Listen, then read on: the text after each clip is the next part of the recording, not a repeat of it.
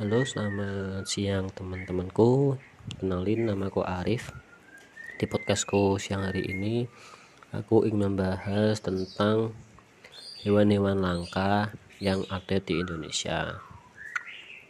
Kebetulan aku mencari di internet itu ada 8 hewan langka yang ada di Indonesia. Aku mulai yang pertama dari kita komodo ya teman-teman Dikenal dengan sebutan naga komodo, hewan reptil prasejarah yang satu ini pun menjadi salah satu hewan langka di Indonesia yang patut dilindungi. Spesies binatang ini bisa ditemukan di pulau-pulau eksotis seperti Pulau Komodo, Rinca, Padar, dan Flores. Jadi hewan komodo ini cuma kalian bisa temukan tuh di Indonesia teman-teman. Di pulau-pulau lain, di negara-negara lain kalian tidak akan mendapatkan atau menemukan hewan komodo kecuali kalau emang komodo ini dipindahkan di kebun binatang di luar negeri atau apa pun tapi habitatnya mereka ada di Indonesia teman-teman